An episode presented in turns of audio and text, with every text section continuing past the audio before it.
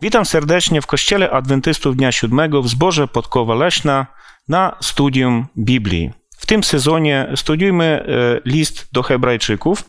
Dzisiaj mamy kolejny temat e, te, tego naszego studium przesłanie listu do Hebrajczyków.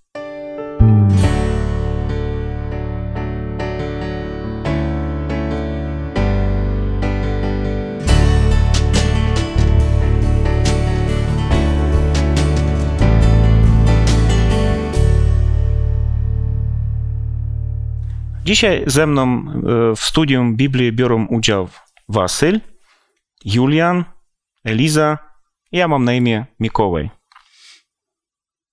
Zapraszam do modlitwy. Drogi nasz niebiański Ojcze, dziękujemy Ci za tą wspaniałą możliwość studiować Twoje święte pismo. Prosimy Ciebie, abyś był z nami na ten czas. Otwórz nam swoje słowo, swoją wolę. Otwórz proszę nasze serca i włóż nam Ducha Świętego w serce, żebyśmy mogli poprawnie rozumieć Twoje pismo i to, co chcesz nam dzisiaj przekazać. Pobłogosław każdego, kto również uczestniczy w tej lekcji i bądź z każdym z, nami, z nas.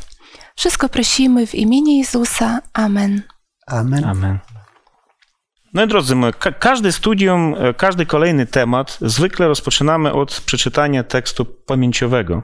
Dzisiaj ten tekst e, mamy z listu do Hebrajczyków, ósmy rozdział, werset pierwszy. Poproszę Juliana o przeczytanie tekstu pamięciowego. Główną zaś rzeczą w tym, co mówimy, jest to, że mamy takiego arcykapłana, który usiadł po prawicy tronu majestatu w niebie. Dziękuję bardzo. I e, temat, e, jak mi się wydaje, jest bardzo ważny dzisiaj i można powiedzieć jeden z najważniejszych tematów tego całego studium bo nazywa się Przesłanie listu do Hebrajczyków, czyli mamy faktycznie dzisiaj ogarnąć tą, to główne przesłanie, główny wątek listu do Hebrajczyków. I właśnie, e, jak uważacie po tym studium, po tym przygotowaniu do, do dzisiejszej, dzisiejszego naszego spotkania, jakie główne przesłanie zawarte jest w liście do Hebrajczyków? Apostoł Paweł chce pokazać, kim jest naprawdę Jezus dla Hebrajczyków, czyli Żydów, to było bardzo istotne, bo przecież oni oczekiwali Mesjasza i teraz pokazać im, że Jezus jest tym Mesjaszem, to było bardzo istotne. Dlatego od razu pierwszy rozdział pokazuje Jezusa jako stworzyciela, jako syna Bożego, wyższego od aniołów, i tak dalej. I pokazuje Jezusa e, różne, pełniącego różne bardzo ważne funkcje, które niektóre należały tylko do wybranych w Starym Testamencie. Dziękuję bardzo. Proszę, Wasylu. Chociaż dodałem by jeszcze, że też list do Hebrajczyków może nam pokazać Jezusa jako a, a, tą ofiarę, która e, daje nam możliwość zbawienia, jako arcykapłana, który jest tym pośrednikiem pomiędzy Bogiem a, a ludźmi, e, również myślę, że też możemy znaleźć jako Jezusa jako Mesjasza, tego, kto był tym, który miał przyjść, żeby dać zbawienie każdemu, kto powoła się na, jego, na jego ofiarę. Dziękuję bardzo. E, też bardzo ciekawy moment jest.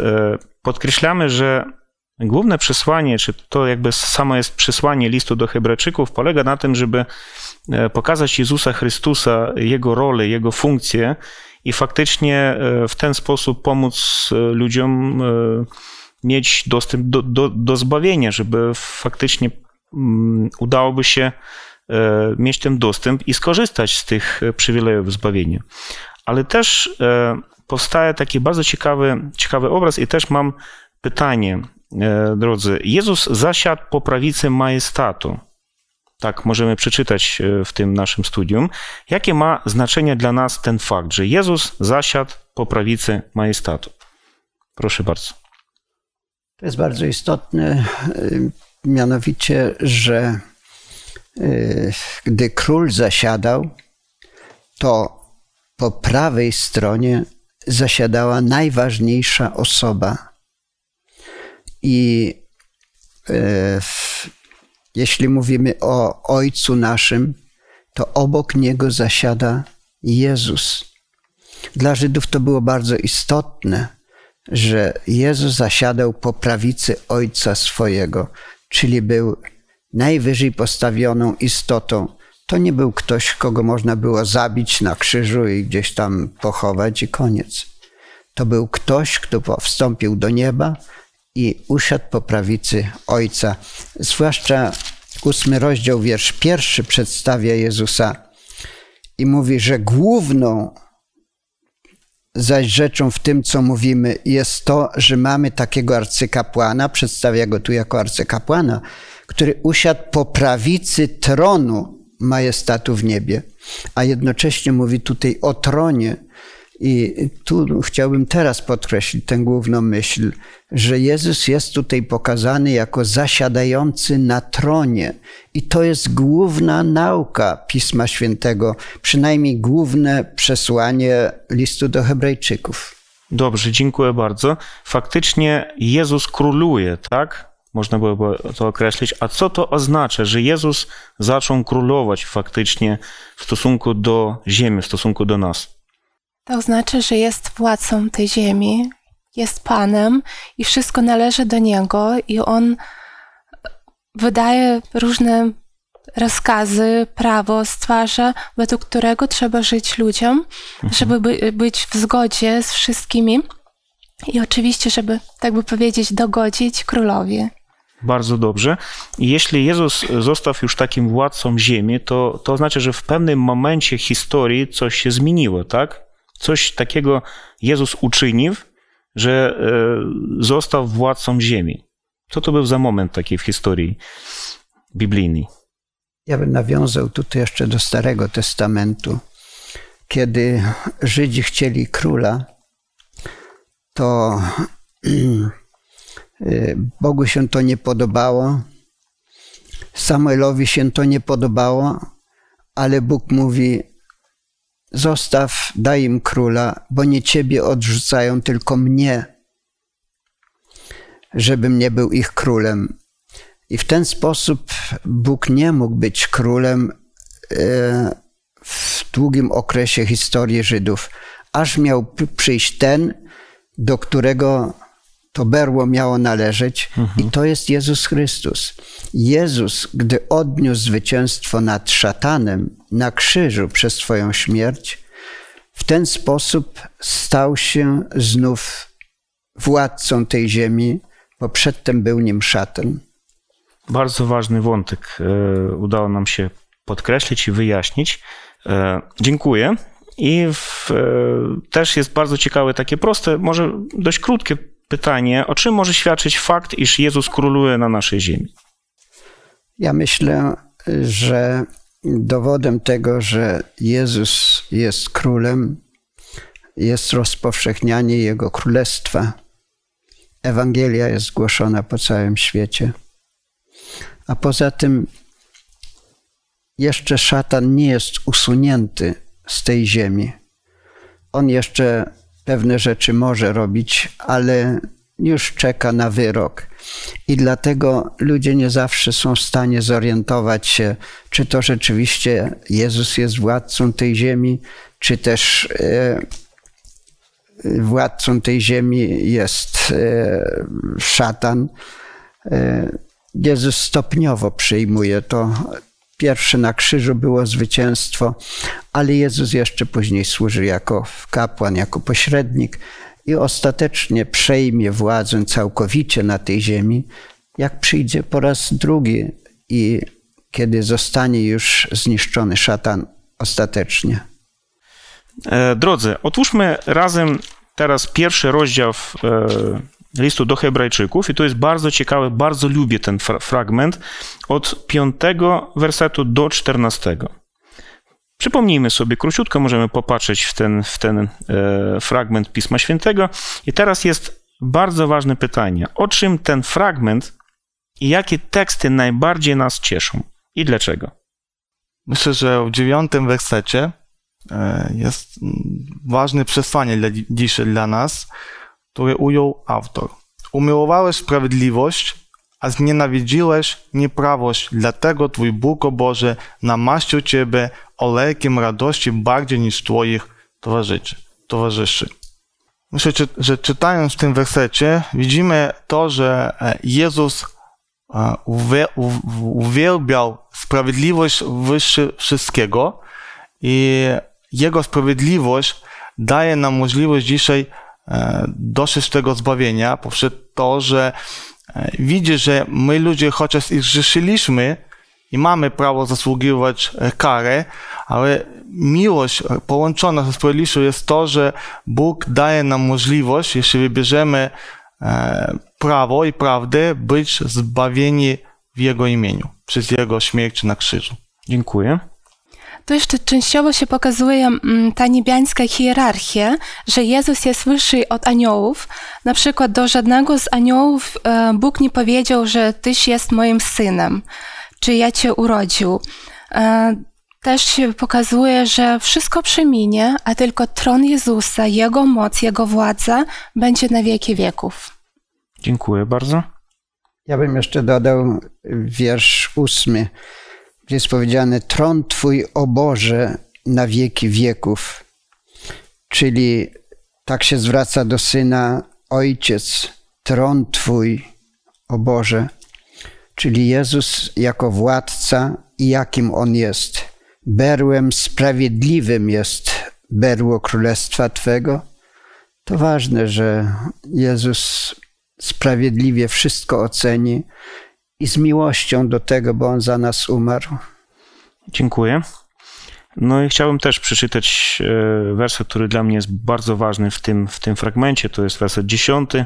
Oraz Tyś, Panie, na początku ugruntował ziemię i niebiosa są dziełem rąk Twoich. Dla mnie to osobiście jest bardzo ważne, bo jeśli Bóg bierze udział w moim zbawieniu, to wtedy ja jestem spokojny i, i, pewien tego, że naprawdę zbawienie będzie e, dokonane i tak jak Pan Bóg to zamyślił, tak, tak i uczyni. Następne pytanie wynika z takiego studium tekstów biblijnych. Mieliśmy około sześciu tekstów porównać, zestawić tych sześć fragmentów z Pisma Świętego i w wyniku dokonania tak ciekawej analizy proszę wymienić obietnice dane Izraelowi, E, które zostaną spełnione przez obiecanego króla z rodu Dawida. E, z tych wersetów możemy wziąć takie porównanie, kiedy Bóg mówił do Izraelu, że Izrael jest jego synem, i tak samo później e, w drugiej księdze Samuel, Samuela poprzez syna Dawida, którym był później Jezus, też jest nazwane, że on jest synem Bożym. Też było mu powiedziane do Izraelu, że będzie dane mu miejsce, w którym będzie się czuł naród bezpiecznie. Tak samo i że będzie ochraniany od wrogów. I tak samo później Jezus też był chroniony od swojego najgłówniejszego wroga. I również e, później też czytamy, że Bóg sam wybrał miejsce, gdzie będzie mieszkał, czyli dał polecenie, jak ma wyglądać świątynia, w której będzie przebywał.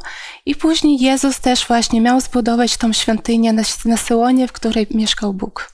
Dziękuję. Faktycznie oczekujemy spełnienia tych wszystkich obietnic w naszym życiu duchowym, już tak? A teraz takie krótkie, proste pytanie. Jezus jest królem czy orędownikiem? I królem, i orędownikiem. A dlaczego? No jest królem, bo wcześniej już rozmawialiśmy o tym, że jest panem tego świata, a orędownikiem, ponieważ e, ze swojej mocy, no niestety nie możemy przedstać przed Bogiem, ponieważ grzech nas dzieli, a Jezus, On właśnie jest taką osobą, która się wstawia za nasze grzechy przed Bogiem. Dziękuję, Eliza. Ba bardzo fajna wypowiedź, bo akurat no, to dodaje nadzieję, takie otuchy w sercu po prostu w wyniku tego, że naraz i królem, i orędownikiem, prawda? Zwykle jakiś orędownik musi być, żeby za nas stawić się przed królem, a tu mamy naraz i króla, i orędownika. E, kolejne pytanie. Mm, mieliśmy możliwość też porównywania tekstu z pierwszej księgi Samuelowej z ósmego rozdziału i z listu do Hebrajczyków drugi rozdział. E, I takie proste pytanie, czego Izraelici oczekiwali od króla, jak te oczekiwania wypełniły się w Jezusie? kiedy Izraeli, Izraelici powiedzieli e, tak naprawdę Bogu przez Samuela, że chcemy króla, to urzucili Boga. Dlatego, że powiedzieli, że ch- chcą kogoś innego, żeby im rządził, prowadził z nimi wojnę, bronił, po prostu e, mówił, e, zarządzał nimi.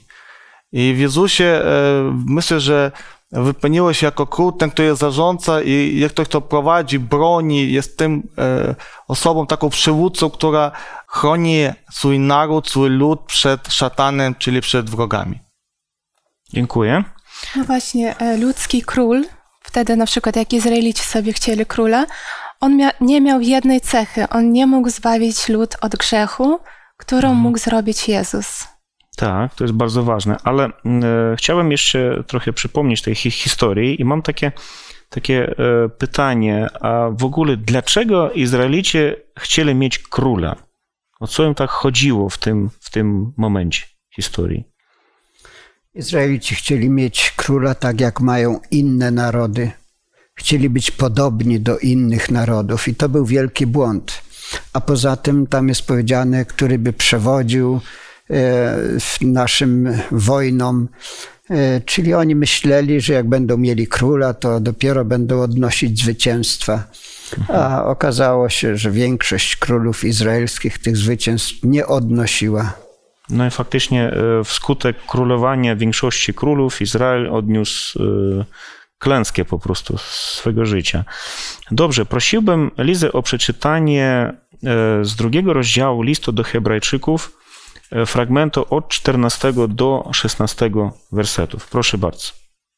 Skoro zaś dzieci mają udział we krwi i w ciele, więc i on również miał w nich udział, aby przez śmierć zniszczyć tego, który miał władzę nad śmiercią, to jest diabła, i aby wyzwolić wszystkich tych, którzy z powodu lęku przed śmiercią przez całe życie byli w niewoli.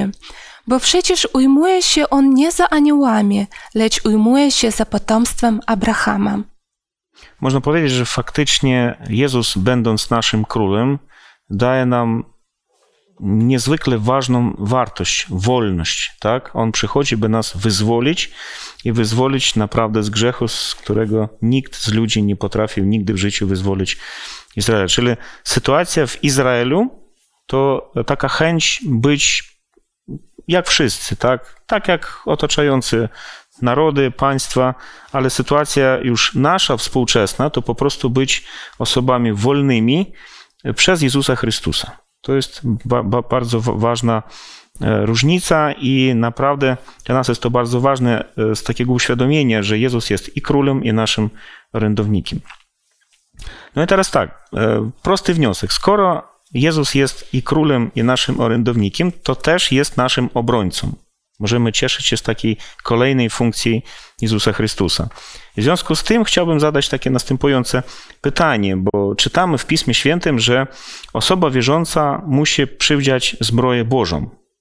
Tak? A co to, co to znaczy? Jak to praktycznie wygląda? No bo wyobrażam sobie, że osoba po raz pierwszy, może drugi raz w życiu otwiera Pismo Święte, czyta, że mamy przywdziać zbroję Bożą. Tam jest cały taki komplet, co, co, co, co musi sobie założyć. Co to znaczy w, w praktyce, jeśli to przetłumaczyć na taki bardziej prosty, pospolity język? Jezus jest przedstawiony jako władca i król, który prowadzi tę wojnę, ale my mamy być też jego sługami i razem z nim na tym świecie gdzie jest ta wielka wojna dobra ze złem, mamy swój udział. W tamtych czasach, w których żył Jezus i Paweł, to każdy taki wojownik, żołnierz miał zbroję. I Paweł porównał to, że my też powinniśmy się przygotować i mieć pewną zbroję. No na przykład Pismo Święte bo tam jest powiedziane, że to jest ten miecz ducha. Trudno sobie wyobrazić chrześcijanina bez Pisma Świętego. Tak samo wiara. Bez wiary nie można się podobać Bogu. I te inne elementy, różne zbroi, które są tam wymienione, ale po prostu trzeba pamiętać, że tu w liście do Hebrajczyków głównie chodzi o Jezusa. To On jest główną postacią całego tego listu i to na Niego trzeba zwracać uwagę. Jeśli On jest tym głównym dowódcą, to my, żebyśmy byli nawet najsłabsi, tak jak za Gedeona, odnieśli oni zwycięstwo i my możemy odnieść zwycięstwo razem z nim. Nawet jak nie będziemy mieli wszystkiego z całej tej zbroi, to jednak przy takim dowódcy na pewno zwyciężymy. Okej, okay, dobra, dzięki Wasylu. Chciałbym by dodać, bo też kiedy widzimy Jezusa na pustyni, to widzimy się, że obrania się wobec wrogowi Słowem Bożym. To dla nas też jest jakby dobry wzór i widzimy z Efezjan, że Słowo Boże to jest mecz. Miecz, którym możemy dzisiaj się obraniać. Mamy pamiętać, jak już mówił Julian, że jesteśmy na wojnie a nie jesteśmy w jakimś spokojnym czasie, wojnie pomiędzy dobrem a złem, więc czytając Biblię jako jedną i część tej zbroi, którą musimy założyć, dlatego żeby można stać wobec wrogowi, czyli szatanu. Bo jeśli będziemy lekkoważyć i będziemy myśleć, nic nam się nie stanie, i, i, i nie założymy tej broni, to po prostu w pewnym momencie będziemy pokuszeni przez wroga i już staniemy odłączeni od Boga. Więc musimy e, myśleć i patrzeć, żeby zawsze byliśmy uzbrojeni w tą zbroję Boga. Dobrze, dziękuję. Eliza? Jeszcze bardzo ważne mieć cały komplet tej broni, bo nie, nie możemy walczyć tylko z mieczem albo mieć dla swojego bezpieczeństwa tylko hełm. Musimy mieć cały komplet e, w życiu takim wojskowym i tak samo w życiu duchowym. Musimy mieć i wiarę, musimy mieć i Słowo Boże i chronić swój umysł, chronić swoje serce od e, ataków wroga. Dziękuję. Można powiedzieć tak, e, w, takie podsumowanie chciałbym zrobić tej odpowiedzi że faktycznie trudno być e, chrześcijaninem niewierzącym. Prawda, żeby nie wierzyć w ogóle, nie mieć tej wiary, albo e, nie wyobrażam sobie chrześcijaństwa bez Pisma Świętego, żeby chrześcijanin nie orientował się po prostu w Pismie Świętym, nigdy go w życiu nie czytał, e, no i tak dalej. Czyli te wszystkie takie symbole faktycznie, te, tej broni wymienione w fragmencie z listu do, do Efezjan, przemawiają do nas w bardzo prosty sposób. Jeśli jesteś chrześcijaninem, to proszę uwierz w Pana Boga, zawierz Mu faktycznie swoje życie, inaczej nic nie będzie, bo dalej można byłoby e, trochę rozszerzyć nam ten problem z pokusami i złem, bo wtedy mam bardzo proste, praktyczne pytanie. W jaki sposób możemy przyjąć tą moc, która uzdalnia nas do wierności wobec Boga e, na tle pokus i zła? To jest bardzo ważne. W praktycznym aspekcie żyjemy tu i teraz i potrzebujemy po prostu w jakiś sposób bronić się przed pokusami, przed złem. W jaki praktyczny sposób możemy nabyć tą zdolność, tą moc po prostu? Proszę. Uważam, że przede wszystkim poprzez łączność z naszym dowódcą, jakim jest Jezus. On jest naszym obrońcą, on jest wodzem, on nam powie, co mamy robić, a te wskazówki, które on podaje, są w Piśmie Świętym. Także przez łączność, czyli modlitwę, y, przez łączność z Jezusem i poprzez Słowo Boże, będziemy wiedzieli, co robić i jak mamy walczyć ze złem. Dziękuję. Przez łączność, przez e, tą komunikację faktycznie z Bogiem. Dodałem. Myślę, że jeszcze chciałem dodać, że musimy znowu nawiązać, bo e, nawet jeśli mamy tą zbroję, to jak już było w sumie powiedziano, chciałbym tak e, podnieść wniosek, że ten kontakt z Bogiem w tym wszystkim jest bardzo ważny, żeby my odczuwaliśmy Jezusa, bo e, tą zbroję też może On nam dać, nadać i my możemy się ubrać w tą zbroję tylko kiedy będziemy mieć ten kontakt, bo zbroja może być tylko taka, no, jeśli wojownik ma na sobie wojskową, wojskowe ubranie, no to nie znaczy, że ono jest dobre. A kiedy mamy ten kontakt z Jezusem, to tą, tą zbroję na sobie, to wojskowe ubranie będziemy mieć takie, które na pewno ochroni nas przed wrogiem. Więc myślę, że jedno bez drugiego nie ma możliwości. Musi być Jezus, osobisty kontakt z Bogiem i wtedy u, ubieramy się w to ubranie, żeby można było tu funkcjonować i chronić się przed wrogiem. Dziękuję. Teraz, e, drodzy, proszę bardzo, zwróćmy uwagę e, na rozdziały 5, 6 i 7 listu do Hebrajczyków. I już udało nam się e, wymienić takie funkcje jakby Jezusa Chrystusa. Jest królem, jest orędownikiem naszym, jest obrońcą. A jaka jeszcze funkcja jest ujęta w liście do Hebrajczyków? Taka, taka bardzo ważna funkcja Jezusa Chrystusa. Że jest również arcykapłanem. Bardzo dobrze, dziękuję bardzo. I teraz e, musimy w jakiś sposób określić, kim jest arcykapłan i jakie funkcje wypełniał. Proszę. Myślę, że bardzo ważna informacja dla nas, że Jezus jest arcykapłanem, bo arcykapłan jest pośrednikiem pomiędzy grzesznym ludem a Bogiem. I jeśli mamy tą informację, to mamy wielką radość w Jezusie Chrystusie jak arcykapłanie. Dziękuję. My wiemy, że niedługo po napisaniu tego listu e, świątynia została zniszczona.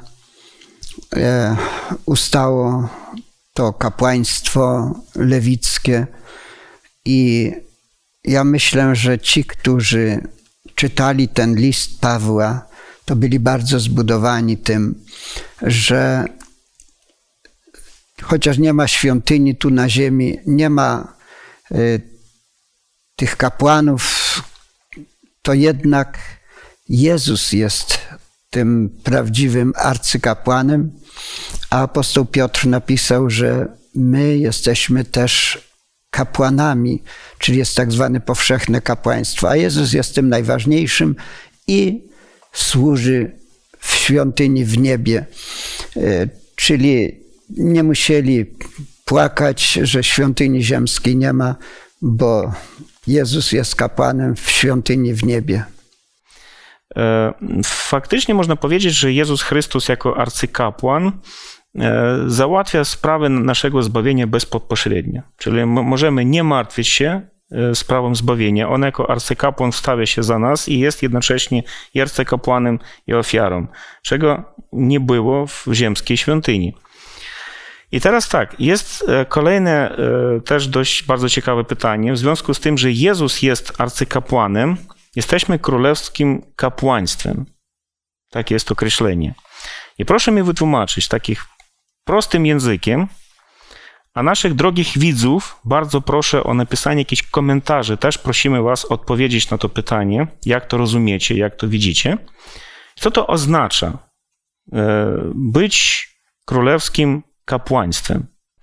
Osoba wierząca, która akceptuje Jezusa Chrystusa jako swego Zbawiciela, wchodzi w, w kapłaństwo królewskie i co to, co to ma znaczyć? Jak to e, odbije się w praktycznym życiu? Proszę.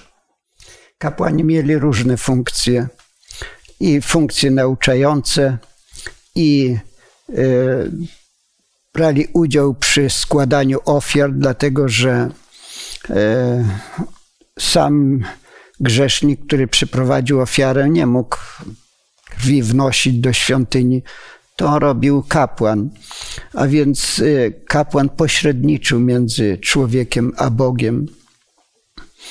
Y, podobnie funkcje pewne my pełnimy, chociaż różni się dzisiaj ta rzeczywistość nowotestamentalna od starej. Już nikt nie składa takich krwawych ofiar i tak dalej, ale nauczać możemy dalej, tak jak mieli kapłani nauczać. Możemy też być pośrednikami między ludźmi a Bogiem, w tym sensie, że ukazujemy im prawdy zbawienne, że pomagamy im przyjść do Boga. I to jest ważne, ale trzeba pamiętać, że najważniejsza jest funkcja arcykapłana Jezusa Chrystusa. Kapłani nawet nie mogli wejść do miejsca najświętszego, tylko najwyższy kapłan mógł tam wejść. A więc y, bez arcykapłana to kapłani nie mogli naprawdę y, pomóc w zbawieniu w tamtym czasie, a dzisiaj też to może czynić tylko arcykapłan i za to powinniśmy być wdzięczni, że mamy takiego Jezusa. Dziękuję.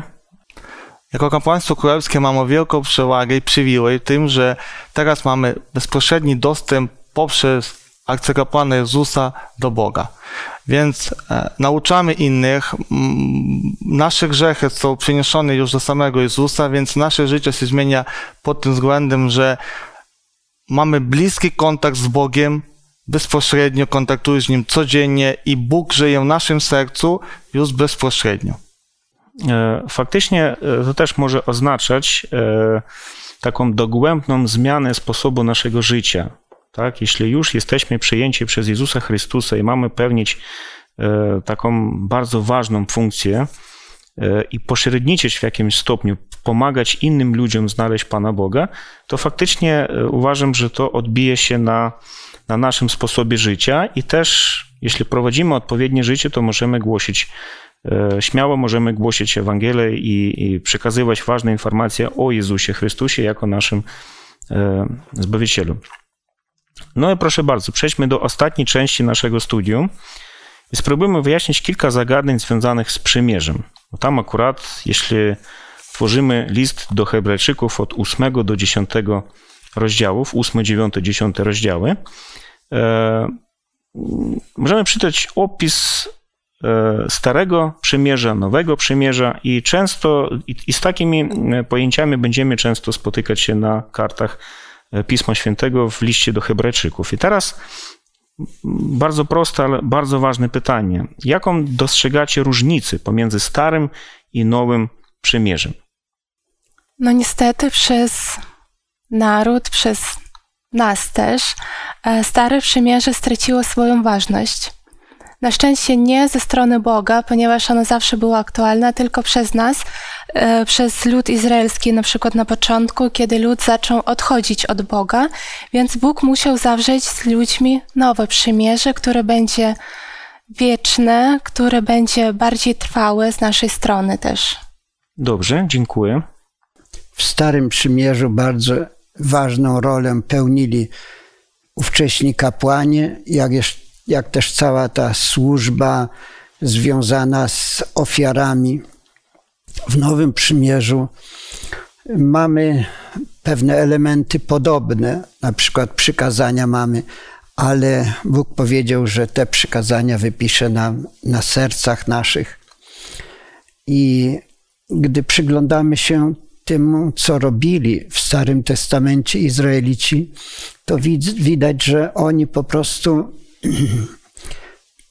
powinni byli miłować Boga, ale skupili się na formie. Natomiast gdy Jezus przyszedł, podkreślił jeszcze raz, że najważniejsze jest to miłować Boga, a bliźniego jak siebie samego. A jeśli już wypełniamy przykazania, to nie liter, tylko to ma być z serca, i Jezus jest takim pośrednikiem nowego przymierza. Dziękuję bardzo. Ja chciałbym zadać ostatnie pytanie. Co Bóg obiecuje nam w nowym przymierzu? Jaka jest obietnica nowego przymierza? Myślę, że warto przeczytać te wersety i 10-11 werset nam mówi. Takie zaś jest przymierze, które zawrę z domem Izraela po upływie owych dni, mówi Pan. Prawa moje włożę w ich umysły i na sercach ich wpiszę je i będę im Bogiem, a nie będą mi ludem. I nikt nie będzie uczył swego ziomka, ani też swego brata, mówiąc, poznaj Pana, bo wszyscy mnie znać będą, od mniejszego aż największego z nich. E, czyli można powiedzieć, że Pan Bóg nam obiecuje zupełnie inny już sposób życia i myślenia, że będziemy mieli tą serdeczną pobudkę faktycznie e, działać według Bożych przekazań, nie, nie potrzebujemy, żeby Bóg nas e, ciągnął za rękę faktycznie, tak, w zbawieniu, a że po prostu Pan Bóg będzie w naszym sercu, w naszym życiu. I e, co jest najcenniejsze i najważniejsze w tej sytuacji, że będziemy chcieli po prostu żyć według Bożych przekazań. To jest główne, główna obietnica Nowego Przymierza, ale to jest możliwe tylko w Jezusie Chrystusie. Tylko przez e, ofiarę Jezusa Chrystusa, Jego służbę, e, Jego działanie w świątyni niebiańskiej jest to możliwe. Jak dalej my jeszcze przeczytamy e, dziesiąty, dziesiąty rozdział listu do Hebrajczyków, tu się powtarzają te słowa, że włożę moje prawa w ich serca i wypiszę je na ich umysłach, ale jeszcze dalej są ważne słowa. Potem dodaje, a ich grzechów i nieprawości więcej nie wspomnę. Mhm. Czy to nie jest takie, takie cudowne przesłanie, że Bóg po prostu nam przebaczy to, co wcześniej było, te wszystkie grzechy i nie tylko przebaczy i na tym się skończy, ale nawet ich nigdy już nam nie wspomnie. Dziękuję bardzo za tak aktywny i bardzo dobry, owocny udział w, w dzisiejszym studium Pisma Świętego. E, przesłanie listu do Hebrajczyków jest niezwykle ważne, bo przez to przesłanie faktycznie e, możemy pojąć, zrozumieć samego Jezusa Chrystusa i zobaczyć Jego główną, prowadzącą rolę w ogóle w naszym życiu i w naszym zbawieniu. I teraz e, zapraszam do modlitwy. Poproszę Juliana. Drogi nasz Ojcze, dziękujemy Ci za to, coś Ty uczynił dla nas, że dałeś nam swojego Syna, ażeby przyszedł na ten świat, cierpiał, umarł za nas. Panie Jezu, dziękujemy Ci za to, co już zrobiłeś i za to, co dalej czynisz dla nas, że Ty jesteś naszym arcykapłanem, do którego możemy przychodzić i mieć świadomość, że nas miłujesz, że uczynisz wszystko dla naszego zbawienia. Dziękujemy Ci za to i dziękujemy, że nadal będziesz nas prowadził, że troszczysz się o nas. Bądź z nami na przyszłe dni naszego życia. Pomóż nam też, byśmy się wiernie trzymali Twoich rad, wskazówek, żebyśmy z serca Ci służyli z miłości, a imię Twoje niech będzie uwielbione. Amen. Amen. Dziękujemy bardzo za udział w, w, dzisiejszym studium Pisma Świętego, w naszym dzisiejszym temacie i zapraszamy na kolejny studium e, z Pisma Świętego pod tytułem обіцяний син.